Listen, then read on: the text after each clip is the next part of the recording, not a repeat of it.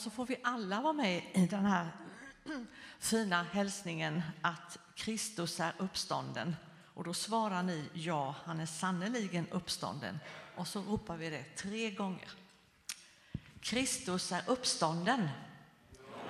Han är sannerligen uppstånden. Kristus är uppstånden. Kristus är uppstånden.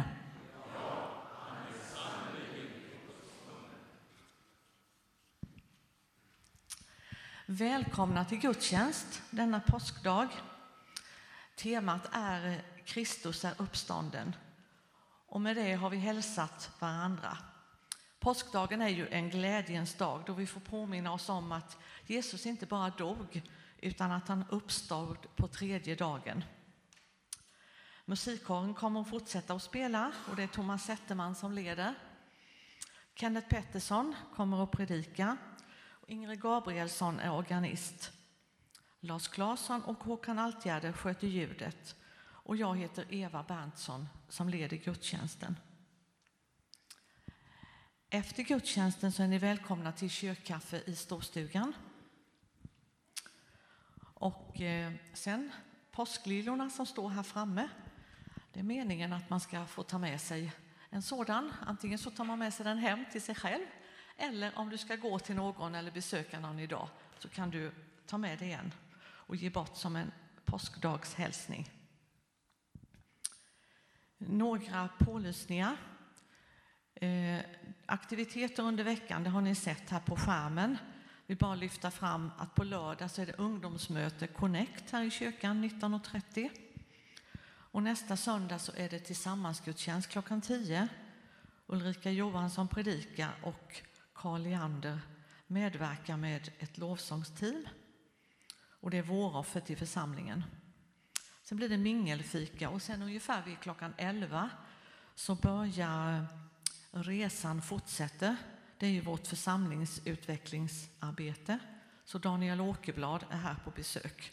Det blir sopplunch och aktiviteter för barnen. Låt oss be. Herre, jag tackar dig för att du är här.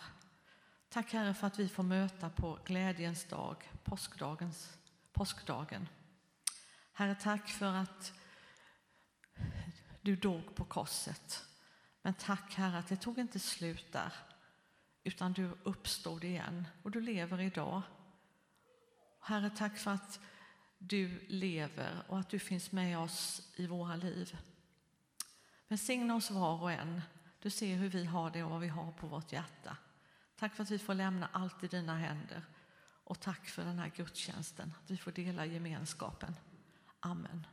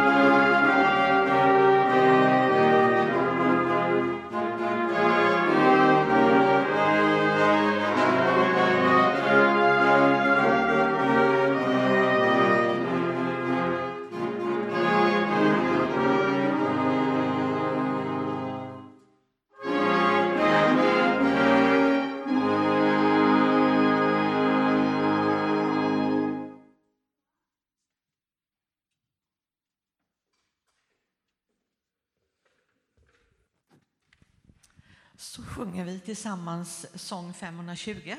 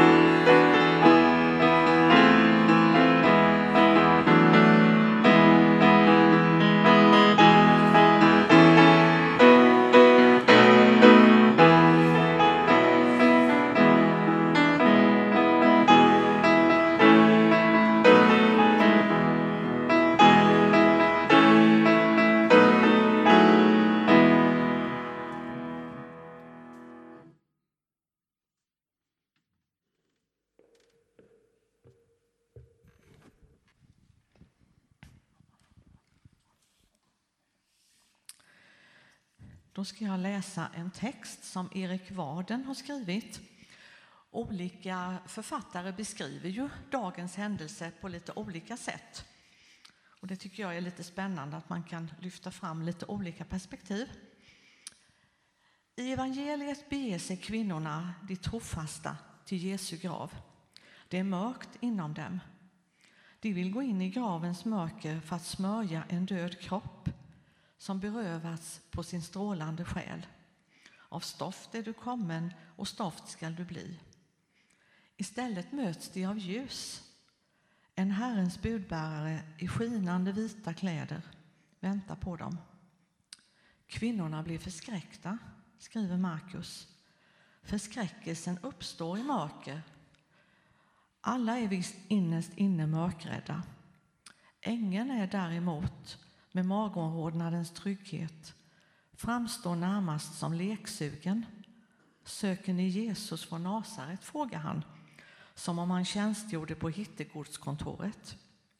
Så kommer det, han är uppstånden. Han är inte här. Den mest revolutionerade nyheten i mänsklighetens historia förmedlas som en självklarhet. Så måste det vara. För vad har ljuset med mörkret att göra? Och hur skulle han som är liv kunna hållas fången av döden? Han är inte här. Självklart är han inte det. Så sjunger vi psalm 153. Livet vann dess namn är Jesus.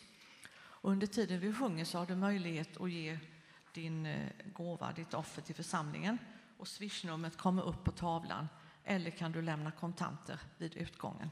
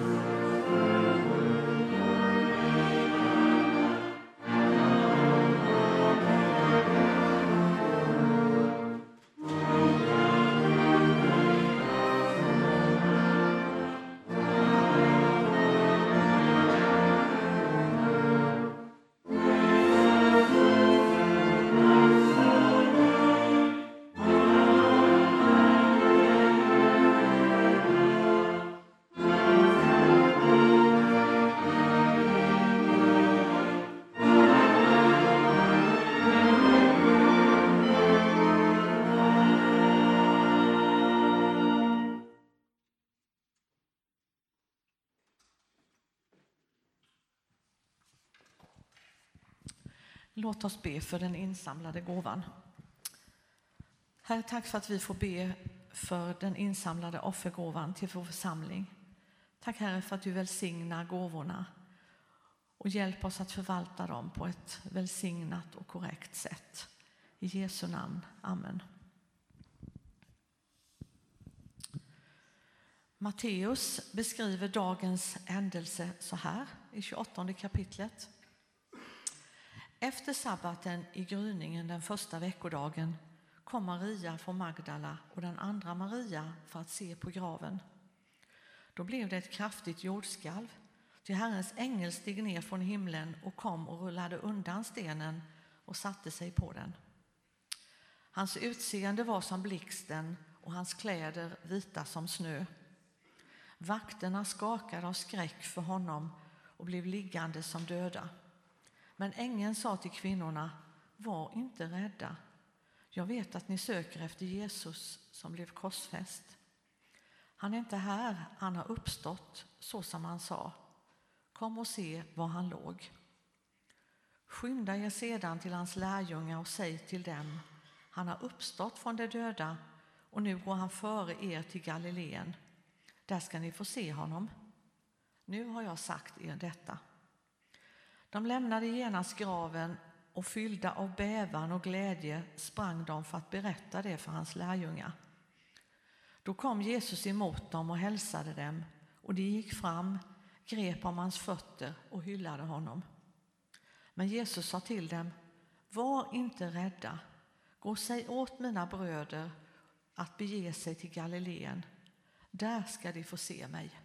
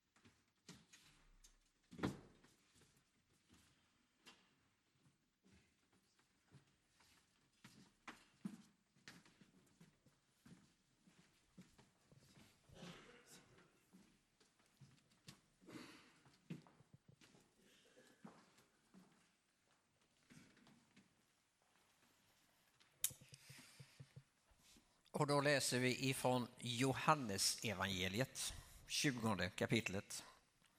Tidigt på morgonen efter sabbaten, medan det ännu var mörkt, kom Maria från Magdala ut till graven och fick se att stenen för ingången var borta. Hon sprang genast därifrån och kom och sa till Simon Petrus, den andra lärjungen, den som Jesus älskade, de har flyttat bort Herren ur graven och vi vet inte var de har lagt honom. Petrus och den andra lärjungen begav sig då ut till graven. De sprang båda två, men den andra lärjungen sprang fortare än Petrus och kom först till graven. Han lutade sig in och såg linnebindlarna ligga där men gick inte in. Simon Petrus kom strax efter och han gick in i graven. Han såg bindlarna ligga där liksom duken som hade täckt huvudet men den låg inte tillsammans med bindlarna utan hoprullad på ett ställe för sig. Då gick också den andra lärjungen in, han som hade kommit först till graven och han såg och trodde. Ännu hade de nämligen inte förstått skriftens ord att han måste uppstå från de döda. Lärjungarna gick sedan hem igen. Men Maria stod och grät utanför graven och gråtande lutade hon sig in och fick då se två änglar i vita kläder sitta där Jesu kropp hade legat, en vid huvudet och en vid fötterna. Och de sa till henne, varför gråter du kvinna? Hon svarade, de har flyttat bort min herre och jag vet inte var de har lagt honom. När han hade sagt det vände hon sig om och såg Jesus stå där, men hon förstod inte att det var han. Jesus sa till henne, varför gråter du kvinna? Vem letar du efter? Hon trodde att det var trädgårdsvakten och sa, om det är du som har burit bort honom, Herre, så säg mig var du har lagt honom så att jag kan hämta honom. Jesus sa till henne, Maria. Hon vände sig om och sa till honom, Rabuni, det är hebreiska och betyder mästare. Jesus sa, rör inte vid mig, jag har ännu inte stigit upp till min fader. Gå till mina bröder och säg dem att jag stiger upp till min fader och er fader, min Gud och er Gud. Och Maria från Magdala gick då till lärjungarna och talade om för dem att hon hade sett Herren och att han hade sagt detta till henne.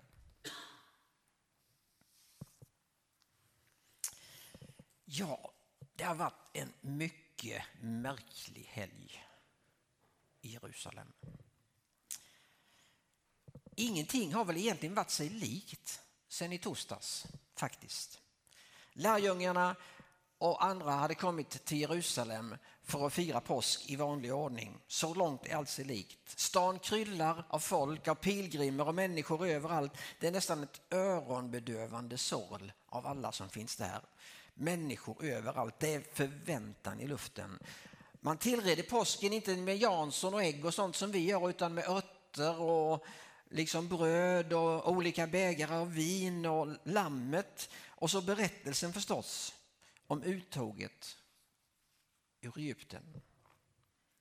När ett av barnen i hushållen ställer frågan varför är denna natten olik alla andra? Så börjar pappa i huset berätta berättelsen igen om hur det var när Israels folk tågade ut ur Egypten. Och sen fortsätter det och det är någonstans troligen vid räddningens bägare och välsignelsens bägare som det börjar bli annorlunda. Alltså det är då Jesus börjar prata om att det här är mitt, min kropp och mitt blod. liksom. Och sen blir det sig inte riktigt likt faktiskt.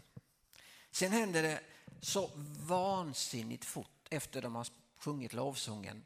Getsemane, soldaterna, bortrövandet, alltihop ni vet. Och så blir han dömd.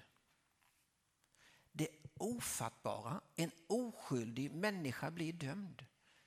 Ett justitiemord liksom, mitt i natten. Det är som om luften går ur och det, det är tomt.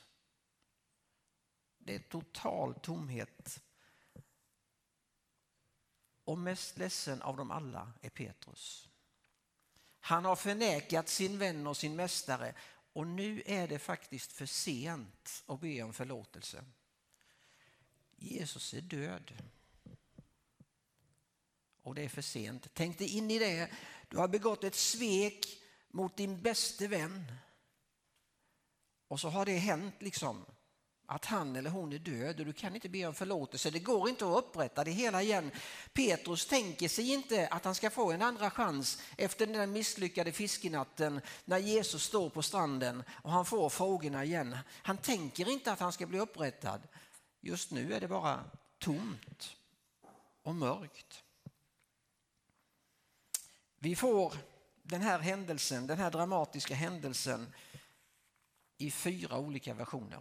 Matteus, Markus, Lukas och Johannes. De är lite olika emot varandra och det kanske inte är så konstigt. Tänk att du bär på den här dramatiska berättelsen och så ska du dela den vidare. Att Matteus och Johannes var ögonvittnen, det vet vi. Markus var med största sannolikhet där. Lukas vet vi inte riktigt om han var där eller om han delar andras version av berättelsen. Men de är ganska samstämmiga.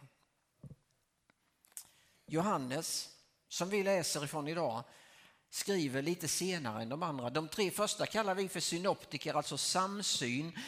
Så läser du de tre evangelierna så är det berättelserna ganska lika varandra faktiskt. Och de är nog redan skrivna och i omlopp när Johannes så småningom skriver sitt evangelium.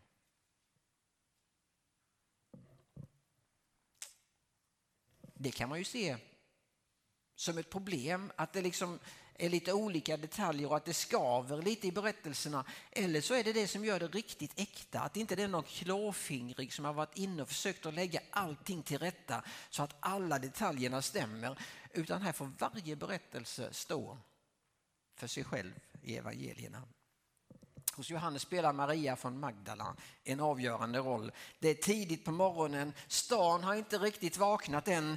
Det börjar slamra lite i grytorna. Här och var förbereds frukosten för en ny dag kanske. Många är fortfarande undrande över vad som har hänt och Maria, tyngd av sorg, ger sig iväg ut mot graven. Hon saknar sin mästare. Läser vi de andra evangelierna så förstår vi att det var fler kvinnor med i tåget. När hon kommer fram så ser hon att stenen är inte på plats. Stenen är borta. Och vad det verkar av berättelsen så är det knappt så att hon ens går fram och tittar in utan hon rusar iväg till lärjungarna och så säger hon de har rövat bort honom säger hon. Han är försvunnen. Och här förstår vi att Johannes vet också att de var fler. För då säger Maria, och vi vet inte var de har lagt honom, står det. Petrus och Johannes liksom springer iväg. Och här kommer den här ögonvittnesskildringen, för det är ju egentligen ingen detalj som har någon betydelse. Men Johannes är snabbare faktiskt.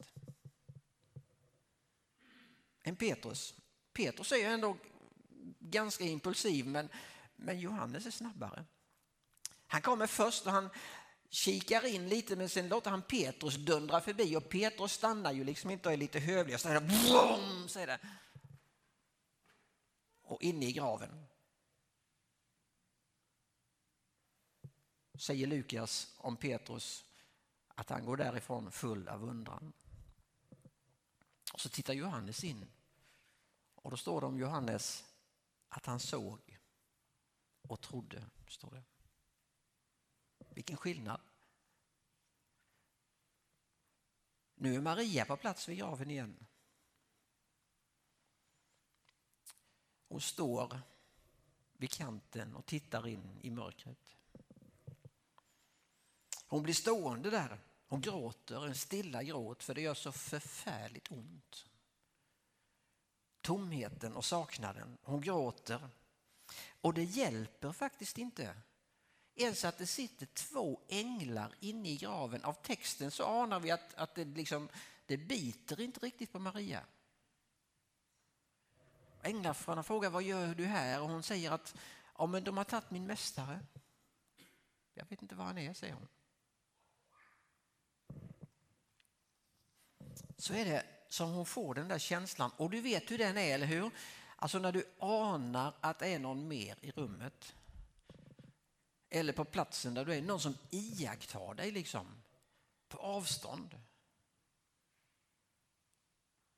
Hon känner det på sig liksom.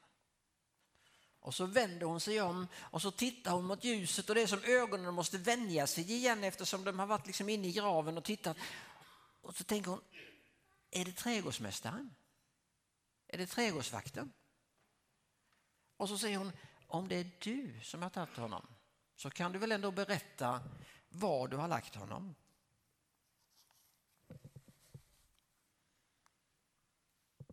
Maria, säger Jesus. Maria. Oj, oj, oj, oj, oj. Den rösten känner hon igen. Det uttalet har hon hört förut. Det finns ingen på den här planeten som uttalar hennes namn på det sättet som Jesus gör. Hon har hört det så många gånger förut. Tänk när hon träffade honom den där första gången och han drev ut sju demoner i hennes liv och hon blev fri, fullständigt fri. Vilken fantastisk dag det var.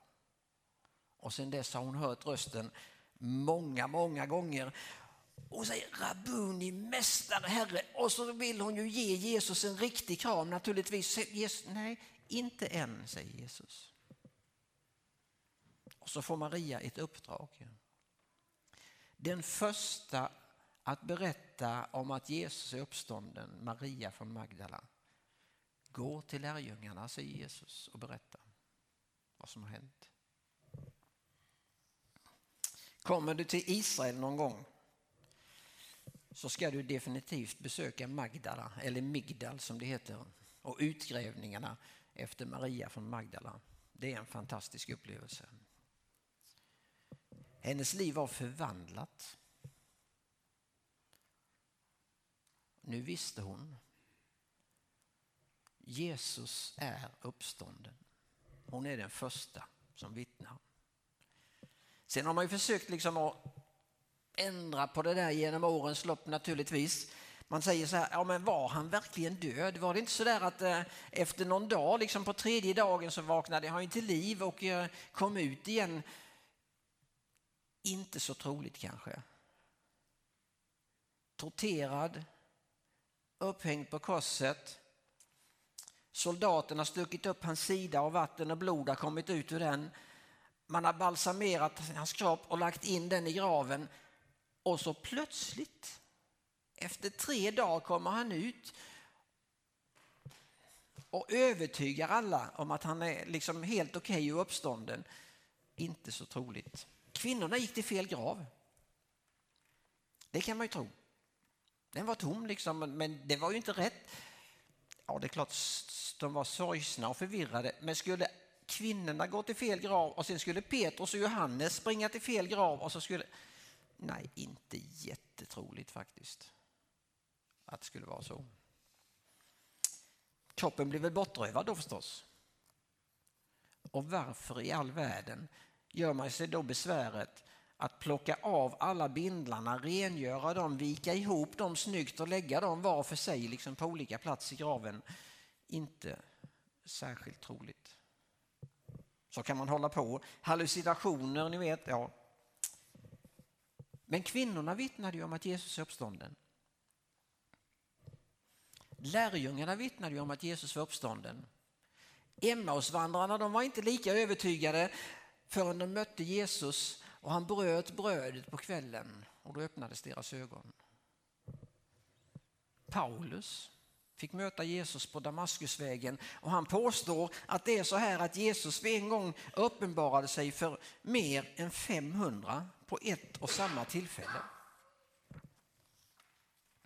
Så har ju många, många andra genom kyrkans historia kunnat berätta att Jesus lever. Och idag är det faktiskt någonstans mellan 2,2 och 2,3 miljarder människor som tror att Jesus är uppstånden och lever. Och det är faktiskt så här att det är ungefär 30 procent av jordens befolkning och det är fortfarande världens största religion. Och kyrkan fortsätter att växa fast vi som lever i den här undanskymda delen av världen, västvärlden och i det sekulariserade Sverige där vi finns längst upp i det här hörnet, vi har liksom tappat tron på att kyrkan ska växa. Så att när Fredrik Modéus skriver om kyrkorna i dagen så säger hon att man kan använda dem, ja, kanske kan det bli också bibliotek eller liksom, och lite olika saker för att man ska liksom få ihop ekonomin. Och det nämns inte ett ord om att det skulle kunna vända och en väckelse skulle kunna drabba det här landet, att en helig andes vind skulle kunna komma och så plötsligt fylls kyrkorna istället för att töms. För det är ju det som sker på andra delar i den här världen. Att kyrkorna fylls istället för att töms. Det är ju det vi önskar och det är ju det vi längtar efter, eller hur? Det är ju det vi ser skulle vilja hända. Och så har det fortsatt naturligtvis och därför så sitter vi ju i Tabergs Missionskyrka idag och firar påskdagsgudstjänst. Och vi kommer hit för vi vet att Jesus lever, eller hur? Och det där vill vi berätta om, det där vill vi sjunga om och det där vill vi att många fler ska få uppleva. Kanske det är så som för Maria att du har upplevt det där personliga tilltalet. Något har drabbat dig i livet. Du kanske undrat var finns Gud nu egentligen mitt i detta? Och så har du hört ditt namn i den stilla viskningen. Tilltalet ifrån levande Gud. Jag kommer ihåg när jag satt hemma i mitt vardagsrum i Klevshult. Det hade hänt en hel del i mitt liv som skymde sikten och det kändes ganska tungt just då. Och så ett telefonsamtal från en vän, ett profetiskt tilltal med tre bilder. Och så lägger jag på luren och så börjar tårarna rinna ner för mina kinder och så är det som om Gud böjer sig ner och viskar i örat du har väl inte glömt att jag älskar dig? Du har väl inte glömt att jag älskar dig? Det är uppståndelsens dag och Maria får en sån där personlig hälsning. Och det är väl som Ylva Eggehorn skriver i hennes liv antagligen att inte himlen brast av glädje den dagen. Ja, det kan man undra faktiskt. Så har det fortsatt tiderna igenom. Graven är tom, korset är tomt, Jesus lever och vi gläds över att få fira påskdag. Och jag tänker att är det något vi behöver återerövra lite i kyrkan så är det väl glädjen över det som vi äger i Kristus. Att vi får räta på ryggen och konstatera Jesus lever vänner. Vi behöver inte sänka blicken utan vi får höja den och fästa den på honom som är Herre och kung. För Gud sänt sin son. Hans namn är Jesus. Han kom till oss med en kärlek ren och han gav sitt liv för att ge oss frälsning. Hans tomma grav den visar att han lever än. Min Jesus lever, därför vill jag leva. Min Jesus lever, därför är jag trygg. Jag säkert vet att han mig leder. Mitt liv är värt att leva för han älskar mig.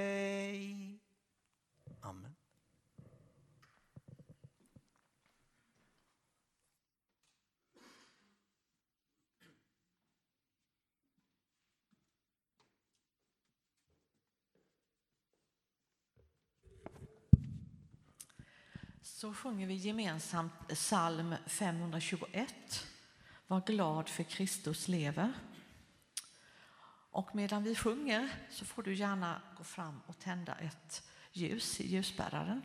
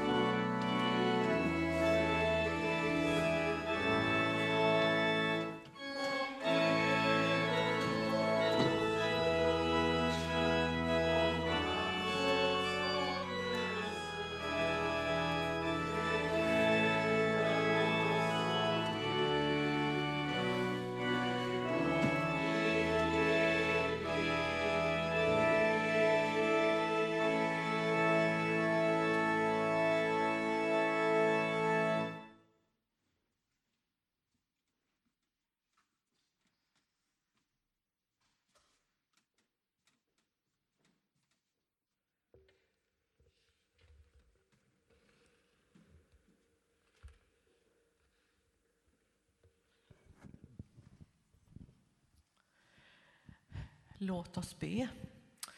På lappen i korgen så står det Bed för mig om ett förbättrat minne. Tack Herre för att vi får lämna det vi har på vårt hjärta till dig.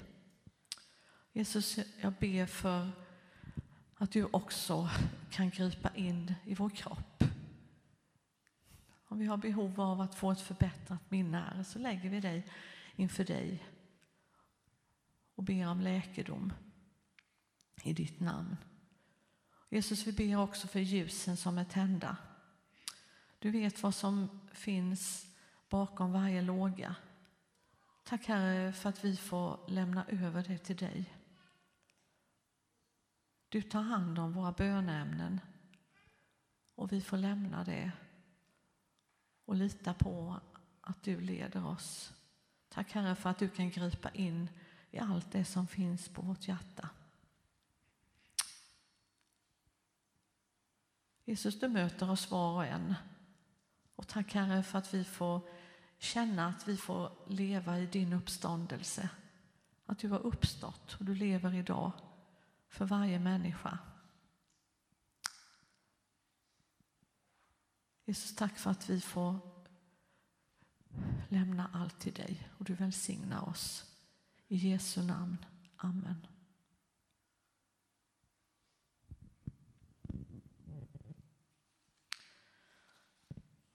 Ta så emot Herrens välsignelse. Herren välsigne dig och beskydda dig. Herren låter sitt ansikte lysa över dig och visa dig nåd. Herren vänder sitt ansikte till dig och ger dig frid och fred. I Faderns och Sonens och den helige Andens namn. Amen.